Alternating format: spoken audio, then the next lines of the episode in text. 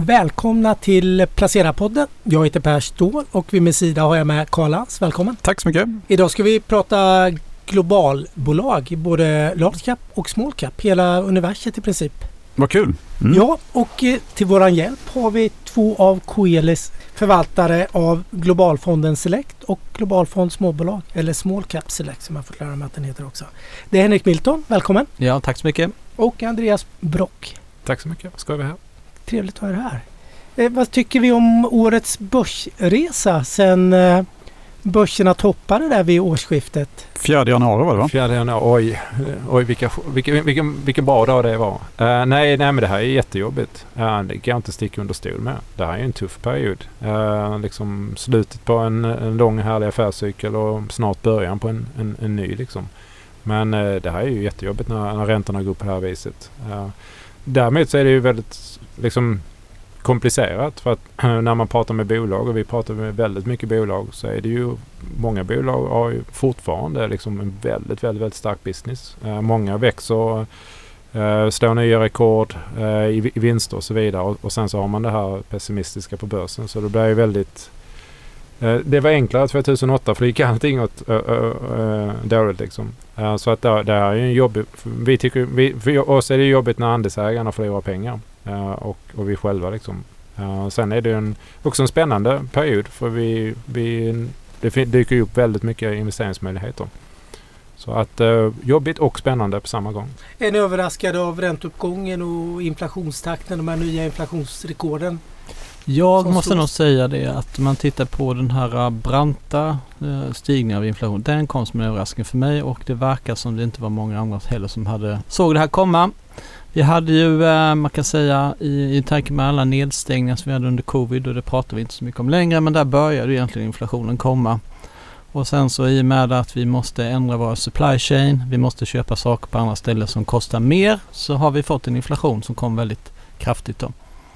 Så det var en överraskning för oss, det var det. Jag tänkte ta upp en tråd som du var ja. inne på. Bolagen är inte så jättepessimistiska än. Nej, men nej. det har varit några amerikanska bolag har varit ute och klagat på en stark dollar. Lite mm. Microsoft mm. var ute och lite sådär. Du eh, Henrik har ju varit på en USA-resa nu. Vad, vad, har du med dig för intryck och ja. vilken typ av bolag har du varit och besökt? Eh, vi träffade, vi var reste till Kalifornien så vi drog runt där i San Francisco, San Jose och så vidare och vi var till och med utanför Apples högkvarter, Cupertino, det här rymdskeppet som har landat där, väldigt spännande. Men eh, precis som du säger så, så klagar många amerikanska företag på den starka dollarn, men, men de hanterar det än så länge ganska bra. Men, eh, men det är ju, det är ju väldigt härlig, eh, härliga vibrationer i Kalifornien tycker jag. Eh, vi har träffat rätt mycket företag och väldigt få av dem säger ju att det egentligen är dåligt utan de flesta går bra. Alltså, det händer ju saker med Nvidia. Vi pratar om det här med till exempel att de var tvungna att ha exportlicenser för sina värsta gra grafikkort.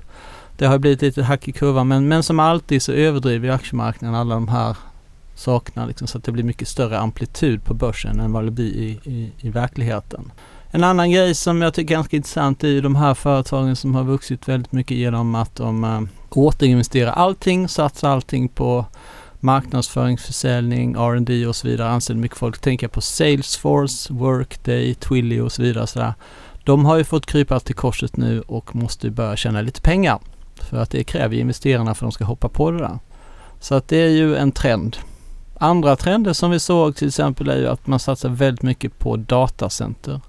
Vi träffade ju AMD, Nvidia, eh, pratar väldigt mycket om det här. AI, Artificial Intelligence, är superhett. Eh, och det ska man inte bli rädd för utan det är faktiskt ett hjälpmedel. Eh, och sen självkörande bilar, också jätte, jätte, jättestort. Nvidia håller på med det. Vi träffar ju Tesla också och det är ju superstort där.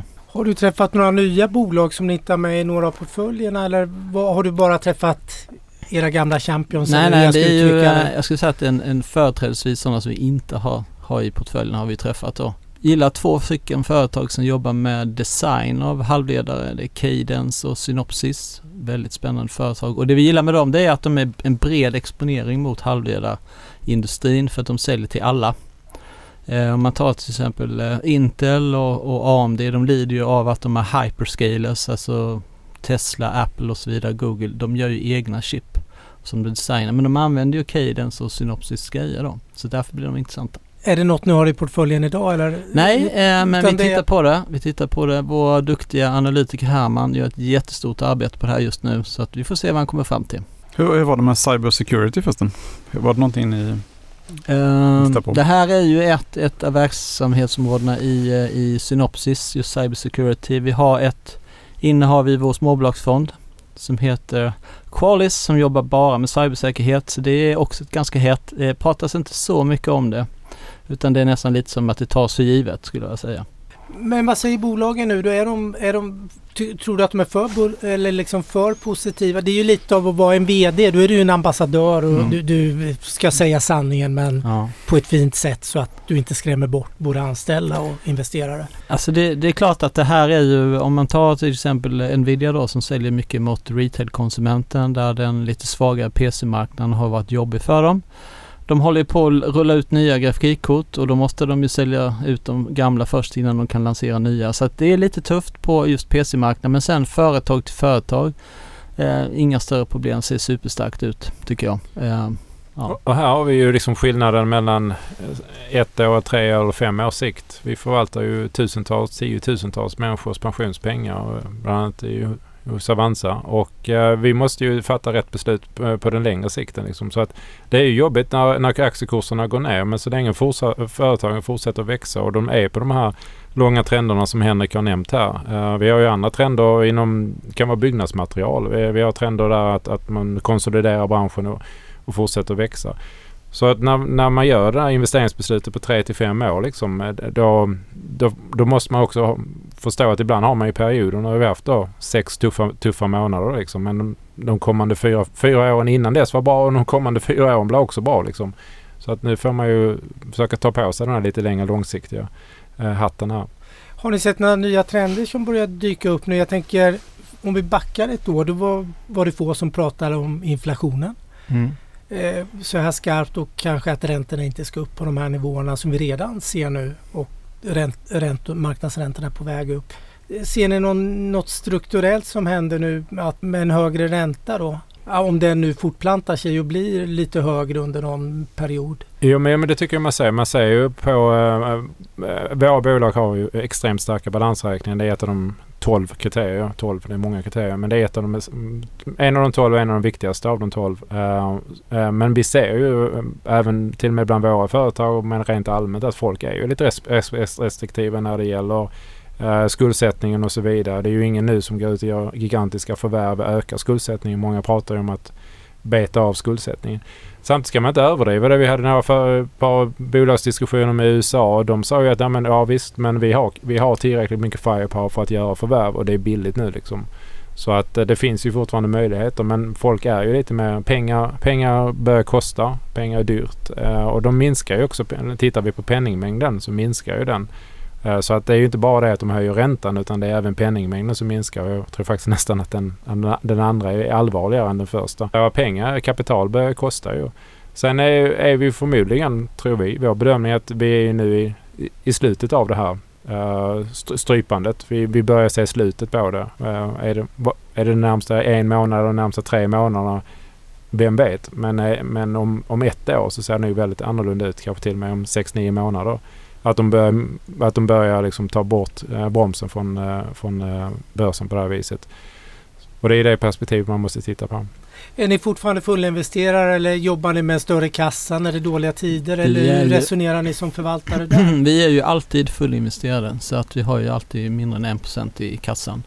Eh, det vi gör när det händer lite större korrektioner, lite sura marknader så brukar vi uppgradera kvaliteten på portföljen. Det är företag som vi har kollat ganska länge på men vi vill inte köpa det här företaget på P45 eller det kan vara men på, på P25 så slår vi till och tar det istället. Kan ni ge några exempel på några sådana bolag ni har tagit in nu de senaste månaderna? Det kan vi göra. Vi, kan vi, vi började med och vi köpte MSCI som tillverkar alla de här fina indexen som alla använder. Som kostar en del.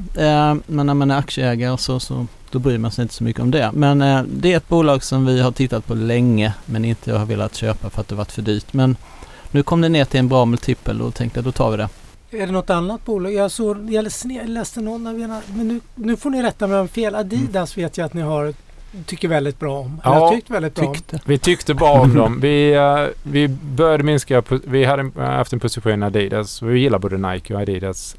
Men- och vi gillade väldigt mycket vad, vad företaget gjorde med, med, med satsningen på allt inom hållbarhet men också liksom varumärkesbyggande och så vidare, framförallt i USA. Men sen eh, började kommunikationen att bli svag eh, och framförallt då i Kina. Och eh, än en gång tillbaka till det geopolitiska. Kineserna började få svårare och svårare för västerländska varumärken. Och vi sålde av Adidas. Sen så kom de ut med en pressrelease där de sa nej men businessen går fortsatt starkt. Och tog- Okej, då kanske vi hade fel. Men sen kastade vi in handduken här för ett par månader sedan. Och ett par veckor senare så fick ju vdn sparken då. Eh, då. Så och det är väl lite grann det, en, en, en, vi försöker hela tiden förbättra vårt tänkande. Vi, när vi investerar långsiktigt i Champions så gillar vi de som är ettan eller tvåan i branschen. Och eh, om det är halvledare eller om det är verkstadsindustri så gillar vi de som är ettan. Och, eh, misstaget vi gjorde med Adidas var ju att vi trodde att ettan och tvåan skulle vara, kunna vara framgångsrika. Men det är ju Nike är, är ju på en annan nivå än Adidas. Det är ju bara, än en gång så säger man ju att amerikanerna är ju ofta väldigt mycket bättre. Och anledningen till att Nike är bättre är ju framförallt varumärkena och de här sportstjärnorna. Den här amerikanska vinkeln är ju fortfarande väldigt starkt för dem. Och de är väldigt duktiga på teknik. Så eh, ja, tyvärr. Äh, Ännu ett europeiskt företag som inte höll måttet. Är, är det vanligt det där, att, det, att det, man märker det att amerikanska företag är bättre så att säga? Eller att man hittar mästarna där liksom? Eh, Om man tittar i halvledarsektorn och tittar man på mjukvarusidan så vi kan väl inte, det finns inte så många bra europeiska Microsofts, eller hur? Vi har väl, jag menar SAP är ju ett fint företag men, men Mm. i övrigt så är det ganska knapert här. Mm. Och eh, när man har varit en vecka i Kalifornien så förstår man varför. Och eh, det jag tänkte om Tesla till exempel var det att det här företaget hade aldrig kunnat liksom växa upp någon annanstans i den skepnad där de är nu med, Mm. med så högt teknikkunnande. De har aldrig kunnat göra det någon annanstans i världen. Och det är ju jätteviktigt att det finns kompetens runt omkring. Vi brukar ofta tänka att världen är bra på olika saker. Eh, om man tittar på den bästa kompetensen i ett land som Sverige, vilka företag söker den sig in till? Eh, ja, men det blir en, en mix av lite tech, tech-startups, liksom små företag, men också väldigt mycket verkstad. Eh, fantastiska ingenjörer som kommer ut från KTH. Och det är det vi är bra på. Läkemedel är liksom, ja det finns lite grann söder om Södertälje, men rent allmänt så är vi inte någon stor nation för det. Fransmän är duktiga på lyx. Eh, Mm. Deras verkstadsföretag har ingen chans mot svenska verkstadsföretag. Tyskarna, framförallt norditalienarna, är också väldigt bra på, på te- teknikföretag. Och amerikanerna är bra på software. Liksom. Så att det blir, länder blir ofta bra på olika saker. Eh, så, att vi, eh, så att vad vi gör i fonderna är att vi fokuserar på att hitta det som är unikt. Liksom. Och att det här företaget är helt fantastiskt och hela, liksom, de har stöd av omgivning i landet också att, att bli duktiga. Och det är det vi kallar för champions då. Det är typ i ASML då i Nederländerna till exempel. Ja precis, ASML är ju fantastiskt på, på det. De är ju, har ju nästan monopol. Jag skulle säga att de har väl en eh, totalt sett en marknadsandel på ungefär 90 procent. Så att de är, de är klart dominerande. I, I synnerhet med den senaste tekniken då. Mm. Men det är ju om man, jag, jag vet att dollarn är hög nu. Vi inledde ju prata om det liksom. Okej det gör ju 11.30. Vi, har- vi har ju pratat om 11.12 liksom internt. Och nu är, börjar vi närma oss där. Och, men grejen är att om man åker till USA och man ser, de har ingen arbetslöshet. Uh, och sen så åker du ner till södra Europa och vi har 15% arbetslöshet. Över tid, vilken befolkning by, lyckas bygga upp kompetensen liksom. Jag tycker det är ramaskri att vi har så hög arbetslöshet som vi har i Sverige. Med, med, det borde vara liksom fokus nummer ett. Eh, för att får du inte in folk tidigt i arbete så bygger de inte upp de kompetenserna. Så amerikanerna, men vi åkte runt i Texas och träffade Texas Instrument och Mm. alla de företagen. Man är ju helt brutalt imponerad.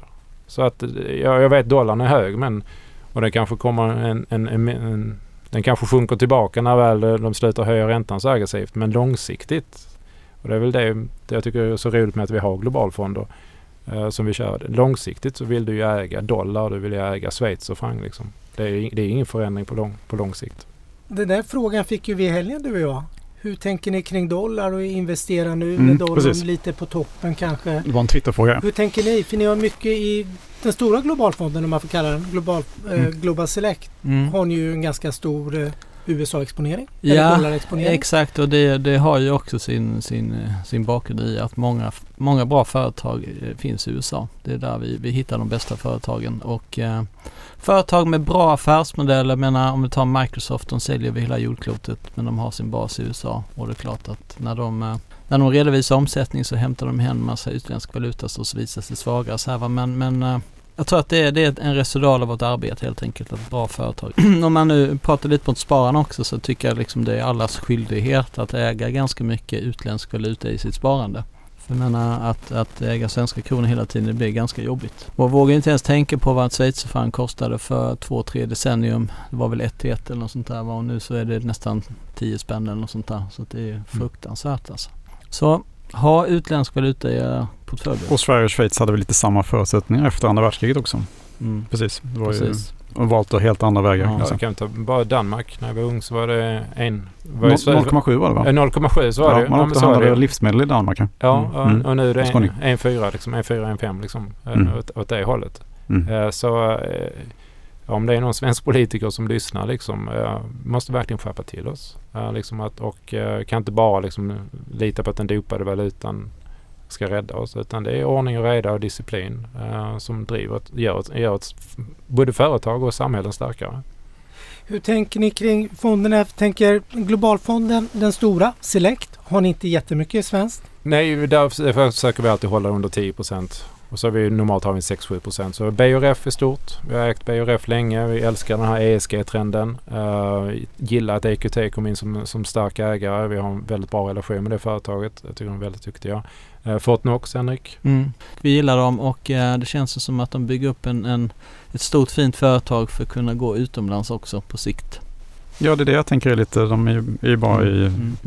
geografiskt begränsade. Mm. Ja och sen är det väl det som, är, som är, gäller för varje land det är ju den här redovisningsprincipen då du säger att det är unikt för varje land. Men alla andra tjänster som factoring, HR, betala ut löner och sånt där det är ju klart applicerbart sådär. Så att eh, förhoppningsvis så blir det ett förvärv i Finland eller i Danmark eller Norge och sånt. Det tror jag skulle vara helt häftigt. Vad sa vi? Stora fonden eller den som Ja, har mm. tittar på storbolag, det är max 10% Sverige. Ja, det, vi försöker hålla det där. Småbolagsfonden, Ja, där har vi ju en möjlighet att gå upp till till och med 30 procent eh, och idag så ligger vi kanske på en i 26-27 procent och så vidare. Så här, va? Och eh, hur är det om man, jag tänker på MSCI pratade ni om som Mm. er senaste investering Ja. som gör alla de här förträffliga dyra indexen. ja, Är, ni, är det överviktat i ett globalt småbolagsindex? Vi Hur mycket är väger Sverige där? kraftigt överviktade svenska kronor. Jag kan inte den exakta Nej. vikten men säg att det är 2, 3, 4 procent eller något där. Vi har en väldigt stor.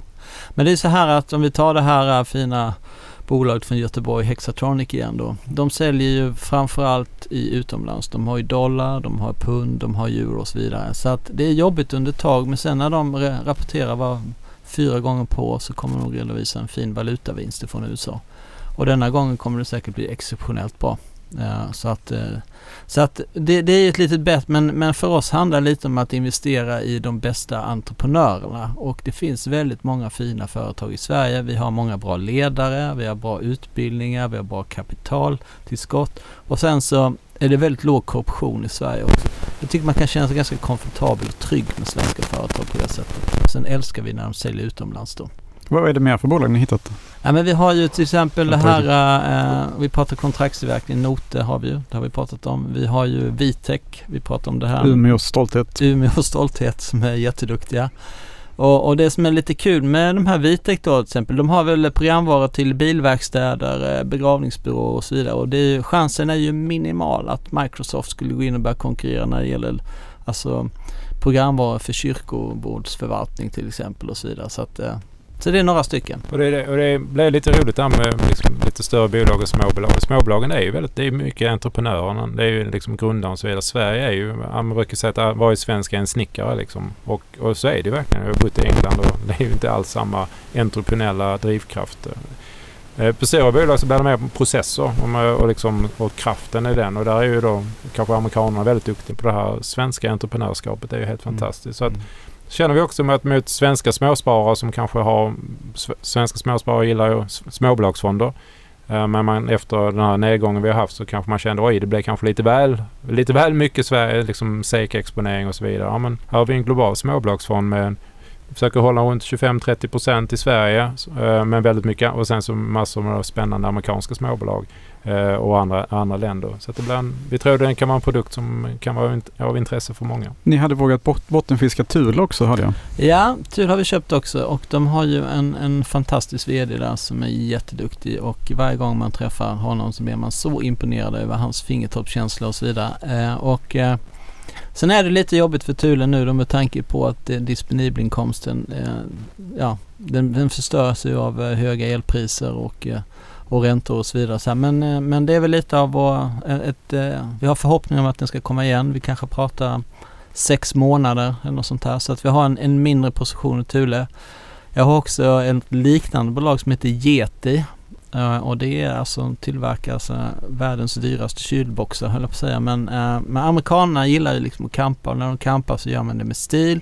Man har en väldigt fin kylbox med plats för ölen och kycklingen och, och det man ska grilla och så vidare. Så där. Och uh, jättefint företag. Men det är också ett sånt här kvalitetsbolag. Vi har Sonos också. Åkte på en riktig smäll här i kvartalet. Men det är också samma sak där med att, att det här företaget, det kommer ju inte gå under. De har en tuff period nu och de kommer komma igen sen och då kan man faktiskt ha de här och, och, och sen när man ser att det sker en förändring i deras efterfrågesituation så kan man öka upp vikten så kan man tjäna rätt mycket pengar på det. Kollar ni på Dometic också då? Eh, jag känner till dem väl men nej de ingår inte ännu men det, det är ungefär samma kategori där. Mm. Ska jag, säga. jag tänker bara det är snart rapportperiod. Det är månadsskifte. Det är månadsskifte i veckan här. Mm. Hur, har ni höga förväntningar nu eller vad har ni för förväntningar? På, på rapportperioden, är det en game changer eller vill man ja, titta ja. in Q4 tror du också att eh, innan botten är nådd eller något sånt där eller vad känner ni?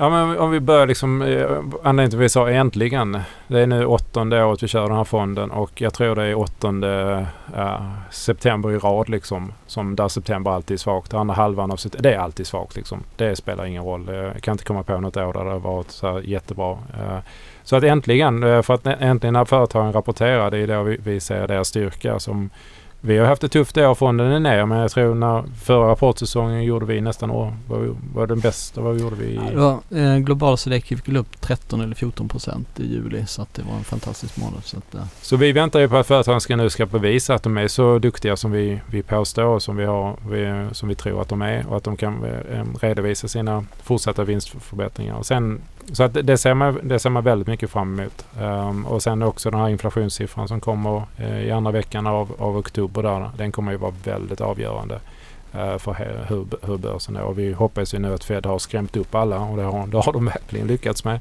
Mm. Uh, och sen så kommer det inflationssiffran in och sen så är vi liksom början på slutet av det här. Då. Men det ska bli väldigt roligt. Jag, jag, jag bara tar liksom, jag fick ett mejl här nu i förra veckan från Cognex. Det är ett litet amerikanskt företag i jobbar mot verkstadsindustrin, eh, läsning av eh, liksom intelligent manufacturing om man säger De vinstvarnade positivt.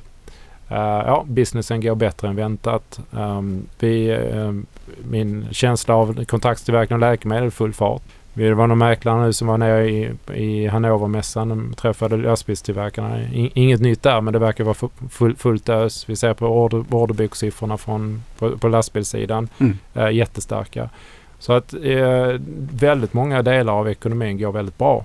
Och sen är det vissa konsumentdelar som är svagare liksom. Men det är viktigt att inte få panik. Så äntligen rapportsäsong. Det ska bli jätteskoj. Är det någon speciell ni ser extra fram emot att, att följa och se? Så det är väl alla företagen höll jag säga. Så mm. att det, ja, om man säger så, om vi tar de här konsumentkänsliga företagen då, då blir det ju det ska bli intressant att höra om det är så dåligt som marknaden tror. Och uh, när det gäller techbolagen så, så har de ju pratat ganska mycket om att de eh, ska spara, alltså ska bli lite mer lönsamma, eh, rätt sagt sänka sina kostnader. Lite anställningsstopp och sådär? Och ja, kanske... inte lika vidlyftiga mm. liksom, mm. som de haft tidigare. Så det tycker jag blir ganska spännande att se. Vad. Sen så har vi ju eh, de här ständerna med, som vi sa, det här med eh, kontraktstillverkning då som blir otroligt spännande också att se vad de, vad de tar vägen. Och sen hur, hur kommer dollarn slå? Och hur kommer elpriserna slå? Mm. Vissa, vissa företag kommer att ha problem. Det var väl NCC som var ute idag och pratade om att det var tufft liksom. Och, eh, och det kommer ju slå. Mm. Mm.